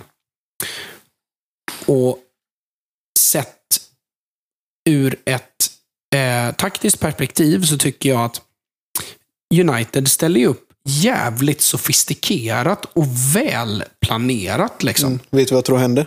Mhm. Eh, Carrick skickade ett mail Mm. Till Raffe. till Raffe. Till? Röjaralf. Till Röjaralf och skrev laguppställning. Frågetecken. Ja, laguppställning frågetecken. Ja. Och då kom ett mail tillbaka med det här. ja, men där jag blev förvånad och glad över att man ställde Fred Matic McTominay Mm. som en som ett jättetydligt, som att det var, det var nästan tre balansspelare. Där Ja. en i varje anfall fick mandat att följa med uppåt. Mm. Och ofta var det Fred som jag tycker gjorde en jättebra match. Det är hans bästa match i United-tröjan. Mm. Eh, Jag såg att han, han tunnlade Rydiger. ja, den är skaplig. Sen blev inte Rydiger glad. Nej, men eh, Fred filmar ju satan där också. Ja, Ehm, Och Men- Rydiger är ju inte någon man är katig mot. Nej, det är ju inte det. Eh, han och eh, McTominay hade sina duster där, Ja. jäklar. Ehm, men där ju... Eh, det känns, alltså jag vet inte, jag vet inte om jag hade ställt upp annorlunda alltså. Bänka Ronaldo, värt att nämna. Ehm, men där det märks ganska tydligt att eh, där, där, där det finns utrymmen att såra Chelsea, det är Mm. dels så såg United, jag har aldrig sett United så organiserade på fasta, defensiva fasta. Mm. Vi skapar ju alltså typ tre, fyra bra lägen på att vi kontrar på deras fasta. Mm. Och det har ju varit tvärtom för Uniteds del. Att man har, man har ju skitit ner sig varje gång det har varit hörna. Ja, För att ja, vi har släppt så jävla mycket på fasta och det sker ingen att hålla i handen där. nej. Ehm, men oavsett så, det, det kändes verkligen som att Carrick hade klurat ut vart finns hoten här. Eh, Eller Raffe. Mm. Teoretiskt precis, men tänk. Ja, precis. Eh, men det, det, det, det, kändes såklart, ja, det känns verkligen som att tanken, oavsett vems tanke det var, var att den avgörande passningen behöver komma antingen ifrån eh, ett inlägg ifrån Reece James eller Marcos Alonso, Mm. eller eh, att de måste spela igenom både ett, en tremanna linje utav mittfält och en fyrmanna backlinje. Ja. Den behöver trä igenom sju spelare plus målvakt för att det här ska bli någonting. Och så hade jag nog tänkt också om vi hade ställt upp mot ett fy- eh, 3-4-3 Chelsea. Att ju längre bort den avgörande passningen kommer ifrån, desto bättre. Och det började visa sig sen, för det var ju det som hände. De märkte att det är svårt att tränga igenom här. Framförallt när vi bara har två centrala. Mm. Och United flyttade så hårt åt bollsida också. Då började Rydiger att vandra och försökte skapa grejer eh, ifrån sin mittbacksposition eller yttermittbacksposition. Vilket han kan. Han är jättebra på det. Eh, och Han är verkligen en trebacks mittback. Mm. Så jävla tydligt. Och jag tycker Chaloba visar tecken på det också. Ja. Eh, jag, jag är också rätt insatt i Chelsea i och med att eh, min bästa kompis Ludvig Mm. är alltså, jag tror, största Chelsea-fanet i hela ja, världen. förvånansvärt stort fan. Ja, Alltså, ja. Alltså jätte, extremt fan. Mm. Ehm, så vi snackar rätt mycket och då är det, det är väldigt mycket Chelsea och man undrar man något om Chelsea så är det han man ska fråga liksom. Och sen att jag tycker att Chelsea spelar väldigt rolig fotboll också. Eh, och väldigt många intressanta spelare just nu. ja. Speciellt defensivt. Och, Och de har fått fram. mittfältet. Ja, Alltså det som, det som vi, vi har sagt det i podden tidigare, men alltså Chelsea har ju en mittfältsuppsättning för varje motstånd. mm, Så här, du kan ställa upp, fatta, fatta skillnaden. Saul, Jorginho, eh, Kanté, Loftus-Cheek, eh, vad har de mer? Barkley, vad har de mer? Eh, det är någon eh, uppenbar som jag glömmer här nu. Kovacic. Kovacic, ja. Precis. Alltså fatta den. Mm. Alltså, du kan ju, det, är ju som eh, så här, Lego, du vet den här kända Lego-frågan. Du vet, om du har tre Lego-bitar som har sex pluttar, Mm. hur många olika Ja. kombinationer finns det? En Rubiks kub i Ja, mittfältet har precis. Chelsea. Ja, Eller egentligen hela eh, klubben. Ja. Eller truppen. Det är en Rubiks kub. Det är väl finns, backlinjen egentligen, där det är lite tunt. Men det är bra, bra. det de, de har. det är Mycket riktigt bra. Och Tuchel får ju utväxling på varenda satans spelare. Det är bara Saul kvar. Mm. Som behöver få utveckling, verkligen. Ja. Hudson och Doy ser ju helt plötsligt ut som, från att vara eh, vad jag tyckte och trodde under Lampard framförallt, var dels bortprioriterad och Ja. ganska så sprallig och fortfarande pojklan, eh, pojklagsytter. Liksom. En showman och eh, explosiv intetgörare. Liksom. Ehm, och såg exakt likadan ut i tre år. Liksom. I stort sett. Ja. Alltså verkligen så. Ehm, och ehm, ja, men jag, jag är imponerad av Chelsea, men jag tycker verkligen att eh, United förtjänar de här tre poängen. Därför att jag tycker att... Tre poängen. Två poäng. Eh, eh, nej, Eh, Ett poäng. ett poäng. Eh, därför att... Dels för att jag är färgad, men också för att jag tycker att det är första gången jag har sett United där jag håller med. Det stämde lite. Ja. Där jag känner att, Så jag liksom. köper det. Ja. Jag hade någon sagt innan mig, eh, vi spelar taktiskt jävligt uttänkt och vi får med oss en poäng ifrån Stanford. Nej, det gör vi inte. Då hade jag sagt käften. Jag tror jag, jag, tror jag skrev 3-0 till Chelsea i någon tippning där på någon social media. Mm.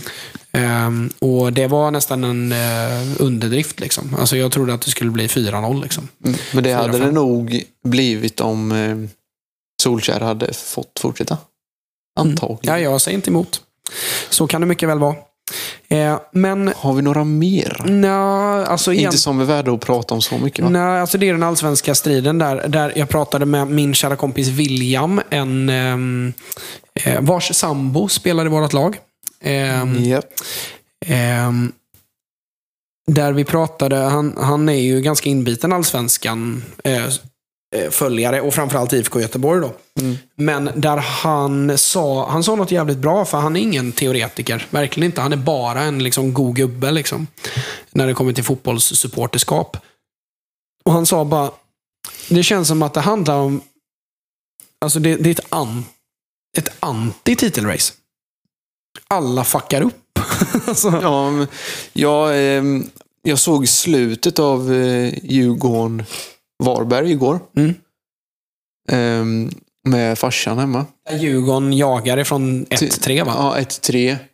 Sen fick de in ett. Slutet 3-2 till Varberg och där sumpade Djurgården sina guldchanser. Mm. Eh, men nu, precis när vi spelade in detta avsnittet, så vann AIK Mm. och trillar upp på Andra. andra plats med 56 poäng. Och Malmö med 58 poäng som ligger först. Mm. Så att allt avgörs i sista. Ja, det ska bli jävligt spännande. Då. Mm. Eh, så jag måste ju titta på den sista omgången där. Eh, Det är men dubbelskärm va? just, ja, det är det. Men just nu pekar det väl fasen i mig åt att då, eh, Malmö tar det. Ja, Va? men det är tråkigt. Ja, det är det. Alltså det är så... Samtidigt så är jag en av de absolut största motståndarna till Gnaget och allt de står för. Men, Mm. eh, men jag håller med dig. Det är, alltså, oavsett det, jag är inte nöjd med någon av de som vinner SM Nej, nu. ja, men jag tror du sa det ganska tidigt i poddavsnitten. Va? Att, eller sa du bara till mig. Malmö tar det. Nej, att Elv, det hade varit extremt kul om Elfsborg tog det. Mm. Jag håller med. Eller det var för att det var jag som sa det. Nej, men eh, eh, jag, jag tycker att Elfsborg och Jimmy Tillin framförallt är jävla spännande. Jag hade verkligen velat träffa honom. Om det är någon som kan lösa, så att, jag- i och för sig så kan nog min pappa lösa det, för han jobbar med hans brorsa. Men, eh, men om det är någon som kan lösa en träff med Jimmy Tillin så skulle jag gärna vilja suga åt mig allt. eh, Ja, verkligen. Någon, Jag- eh, någon som, har jag hade velat träffa. Ja. Sveriges målvaktstränare. Ja, han som är i Parma. Mm. Ja, och vad fan heter han? Älvdal eller någonting. Ja, det är något sånt. någonting sånt. Jag kommer Ja. inte ihåg vad han heter för namn. Men eh, han hade varit väldigt rolig att Fattar du? Busy guy. Landslaget och Parma. tränar. Buffon. Ja, man tränar Sveriges landslag och Buffon. Mm. Undrar vilket han håller högst där. Landslaget, tror jag. Tror verkligen landslaget. Mm. För att han, han kan ju inte lära Buffon någonting. Han kan ju bara hålla igång Buffon. Tills Buffon läste bryter intervjun med honom liksom. i DN. Vi Mm. får ju DN på jobbet varje dag. Ja. Eh, I kafferummet. Så jag läste intervjun. Och han sa att det är... Han sa att jag kan inte lära Buffon så mycket. Men jag kan ändra honom. Mm.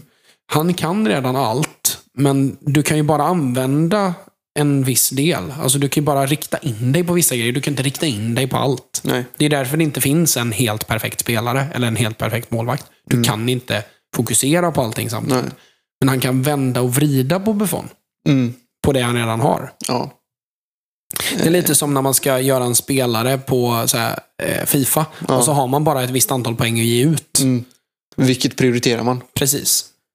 Ehm, och Det var lite så han beskrev jobbet med Buffon. Mm. Medan han sa att IFK Norrköping till exempel, när han var där, han var ju alltså under ehm, Janne där också. Ja. Så sa han ju det att eh, där var det mycket mer fokus på att utveckla målvakter. Se till att målvakter blir bättre och verkligen blir bättre målvakter och som potentiellt kan bli stora försäljningar. Ja. Ehm, eller rent av guldhjältar Mm. för eh, Peking. Men i Parma och när man är på den allra högsta nivån så handlar det mycket mer om att forma målvakter. Ja, Åt hållet som Till- man själv ja. tycker är fördelaktigt. Eh, och det var jävligt intressant och han hade jag, håller med dig, Mm. verkligen velat ta ett snack med också. Eh, men det var ju en jävla underhållande kväll i Halmstad också, för vi satt ju på dubbla skärmar på Leris och kollade Mm. Halmstad-Hammarby samtidigt och försökte kolla så mycket som vi kunde. Och helvete vad chanser det var. Åt höger och vänster. Att det blir 0-0 i den matchen är verkligen så. Det är bara allsvenskan som det kan hända i. Liksom. För det är skott på mållinjen och block på mållinjen. Och det är skott i stolpen och ribban åt båda håll. Och det är Halmstad som är när, närmre 1-0 än vad Bayern är. Men jäklar vad chanser det var. Ehm, är det något som är tråkigt så är det 0-0 matcher. mm.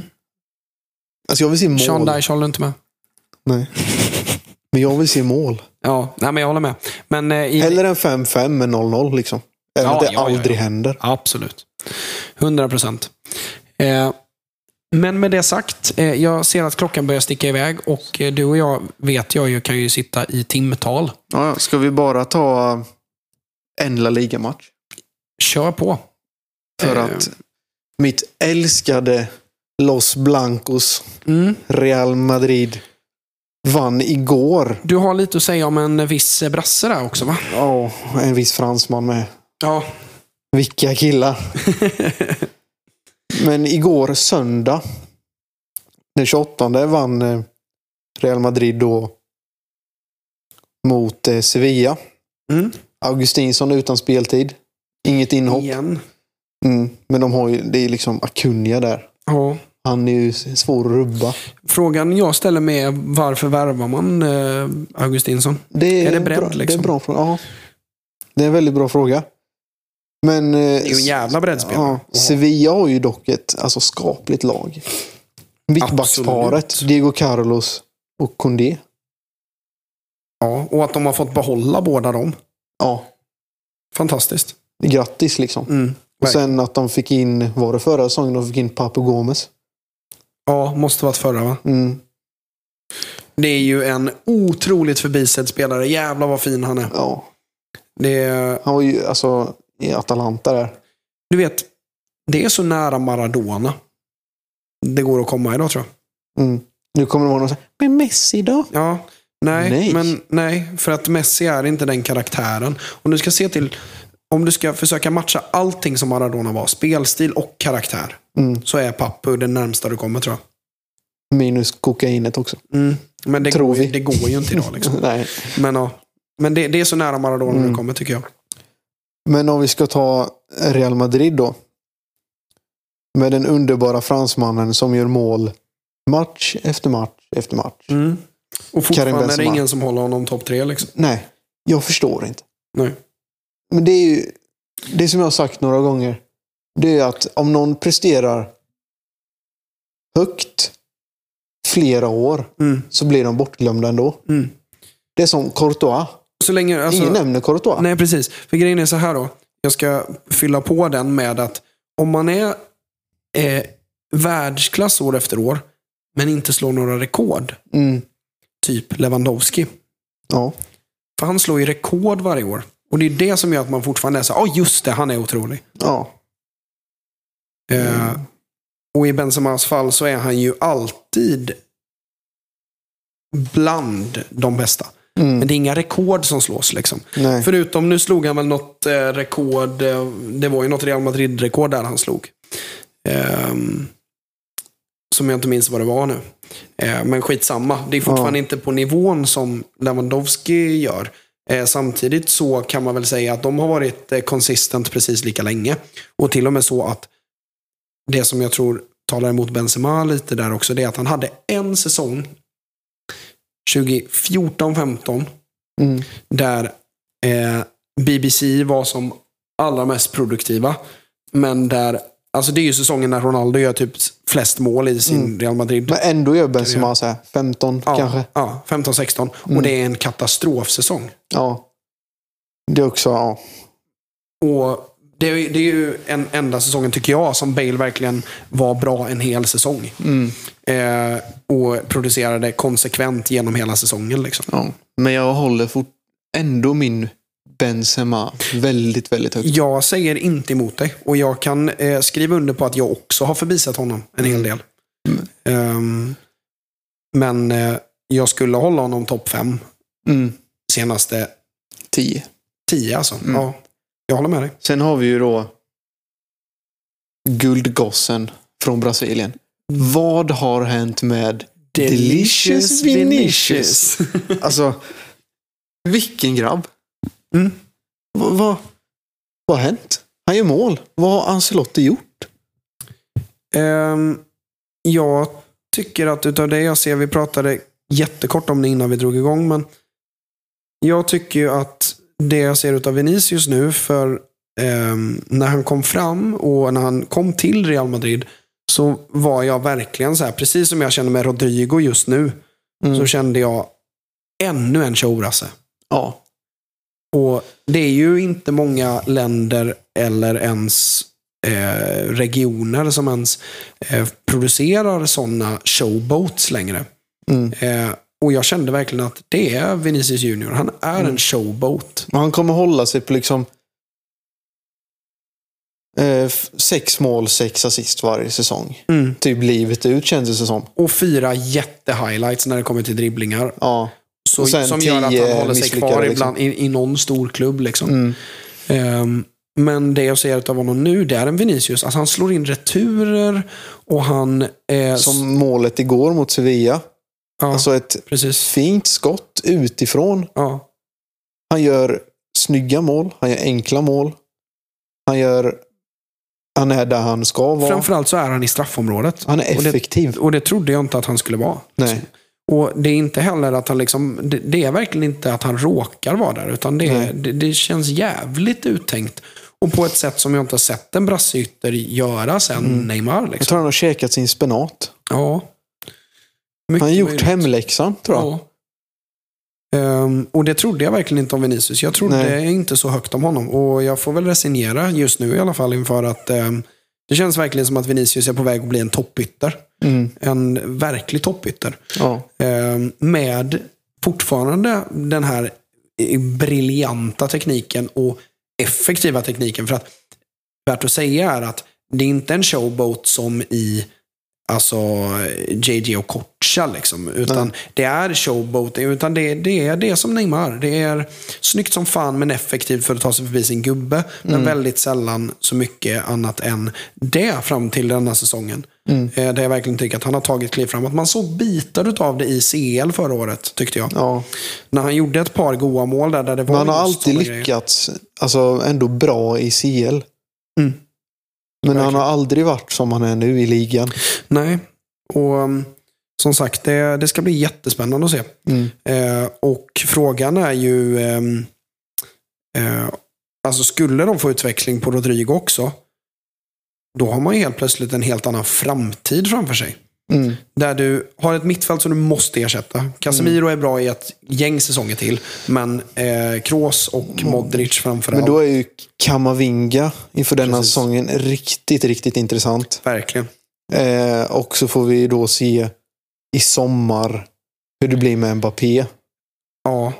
För skulle de få in Mm. Mbappé, Mm. eh, så har du tid att slussa ut och tacka av Benzema. För då kan du spela Neymar på en höger eller vänster, beroende Neymar. på vart du värderar han och Vinicius. Neymar. Mbappé menar jag. Ja. Eh, Mbappé och Vinicius, förlåt Mm. mig. Ehm, och tacka av Benzema lugnt och fint. Hoppas att man får utveckling på Rodrigo på ungefär samma sätt som man fått ifrån Vinicius. Och helt plötsligt så har du Vinicius, Rodrigo och Mbappé. Och då är den Galacticos eh, frågan löst. Ja. Och då har du bara mittfältet som är halvlöst. Och Mm. en, ett nytt mittbackspar som behöver falla på plats. Där du har en Ja. Eder Militao som känns som att han börjar växa in i skorna. Va? ja. Och bredvid honom där då, Mm. vad ska man ha? Eh, Alltså, Alaba. Han är... 30. Ja, och jag tycker att nästan att man slösar bort honom lite när man har honom på mittback. Mm. För att han är så skicklig Ja, det. med boll. Eh, Han ska ju vara mittback i så fall i ett city. Liksom. Ja. Men om man skulle få välja någon, alltså önsketänkande, Mm. så hade jag velat ha Rydiger. Det jag ställer mig frågan till där är att jag inte sett honom briljera i en fyrback än. Och Nej. det ska jättemycket till för att Real ska spela något annat än fyrback, oavsett vilken tränare. Mm. Tror jag. så länge jag minns har de kört 4-3-3. Ja. Så länge jag minns. Eller ja, du skulle kunna klassa Zidans som ett 4-2-3-1 på något sätt Ja. också. Men, eh, Och så är det så här enskilda matcher ja, som varit ja, lite... precis, precis. Men, eh, Men för det mesta så är det ju 4-3-3 som gäller. mm. ja, Eh, och jag skulle också önskat en ny högerback. Ny Carvajal. Mm. Du tycker inte att han håller? Jag tycker att han håller, men det, det är liksom... Det är ganska ofta man ställer sig frågan, finns han? Mm. Han märks inte av. Men om du tittar på de allra mest framgångsrika lagen. Om man, jag, tänker ju, jag tänker specifikt på en spelare som Juan Fran. Mm. Som aldrig har synts och som Nej. är jättebortglömd idag. Men som jag tror var instrumental till Atleticos framgångar. Förutom det var han som sköt i stolpen. Ja, det var I det. finalen i straffläggningen mot Ja. Real. Så är det. Förutom det. Ja, men om man ska se till helheten. Liksom, en spelare som inte ställde några jävla frågor. Du hör aldrig no Det är inga Mm. rubriker om Carvajal. Nej. För han har inte... Den enda rubriken han har är att nu har vristen gått Ja, åt skogen. Liksom. precis. Men det är aldrig... Han har ju inte Mino Raiola liksom, som agent och det Nej. stormar kring honom. Utan Nej. eh, det känns som en ganska tyst och skön kille. Liksom, och sådana är nog jävligt viktiga i ett lag där du börjar slussa in Mbappés som är sponsrad av like, alltså Jordans och Mm. eh, Vinicius och Rodrigo. Eh, jag tror att det blir ganska viktigt. Mm. Ehm, och jag tror att utav alla mittfältare man har nu, om det är någon man ska hänga kvar i, så tror jag det är Toni Kroos. För det är Ja. också en sån typ av spelare. Mm. Och det kommer behövas bredvid en spelare som Kamavinga, tror jag. Mm. Och Kamavinga har ju faktiskt varit väldigt bra Mm. hittills. Jag har inte sett honom tillräckligt i... Han gjorde, de första två matcherna gjorde han ju mål tror jag. Mm. Om jag inte har helt fel. Han har inte gjort fler mål men han kommer nog att fylla skorna. Och det känns som en box-till-box-fältare va? Ja. Mm. Det, det var det jag såg är- i Stade Rennais, men jag ställde Mm. mig frågan, är det för att han är så bra i Stade Rennais? Att han, alltså typ som vi hade med våran mittfältare, Mm. alltså i, i HIK. Ja. Alltså här, ska, vi, ska vi hålla henne till en balansroll eller ska vi bara låta henne vara en box-till-box? Mm. Jag tror det är lite samma sak i Kamavinga-fallet där, Ja. men tydligen inte. Eh, han fick, tror han, jag tror det var den första matchen han fick hoppa in som eh, yttermittfältare. Mm. Ja, just det. Det Mm. minns jag, nu när du säger det. Kom han in mot Vinicius, va? Var det inte så? Vinicius Jo. eller... Ja, jo, men det, jag minns det att han kom in som ytter. Ja. Eh, men jag, jag ser så här, vi har pladdrat på jättelänge, som vi alltid gör. Ehm, Det är special, eh, special avsnitt. Special edition. Special edition. Eh, Limited editions. Limited editions. Och där fick ni en liten bit av våra internskämt. Det är bara att vi säger saker med konstig betoning. Ja. Ehm, men ni som inte är Patreons, ni ska ha ett jättetack för att ni har lyssnat på veckans avsnitt. Och Mm, ehm, vi tackar Otto för ett, en gedigen insats. Eh, och ehm, hoppas att ni eh, vill följa honom på Instagram ifall han vill. Är du privat förresten? Jag är inte privat. Du är inte Ni privat. är välkomna allihopa. Där, där ser ni, där har ni det. Eh, tack så mycket för att ni har lyssnat. Och ni Patreons, ni känner er välkomna in i sista kvarten. Last quarter. Öka takten. Då så, mina kära gubbar och gummor, så var vi inne i ehm, sista kvarten. Eh, och jag tänker så här. Fantasyhörnan den här veckan. Det är Patreon-exklusivt.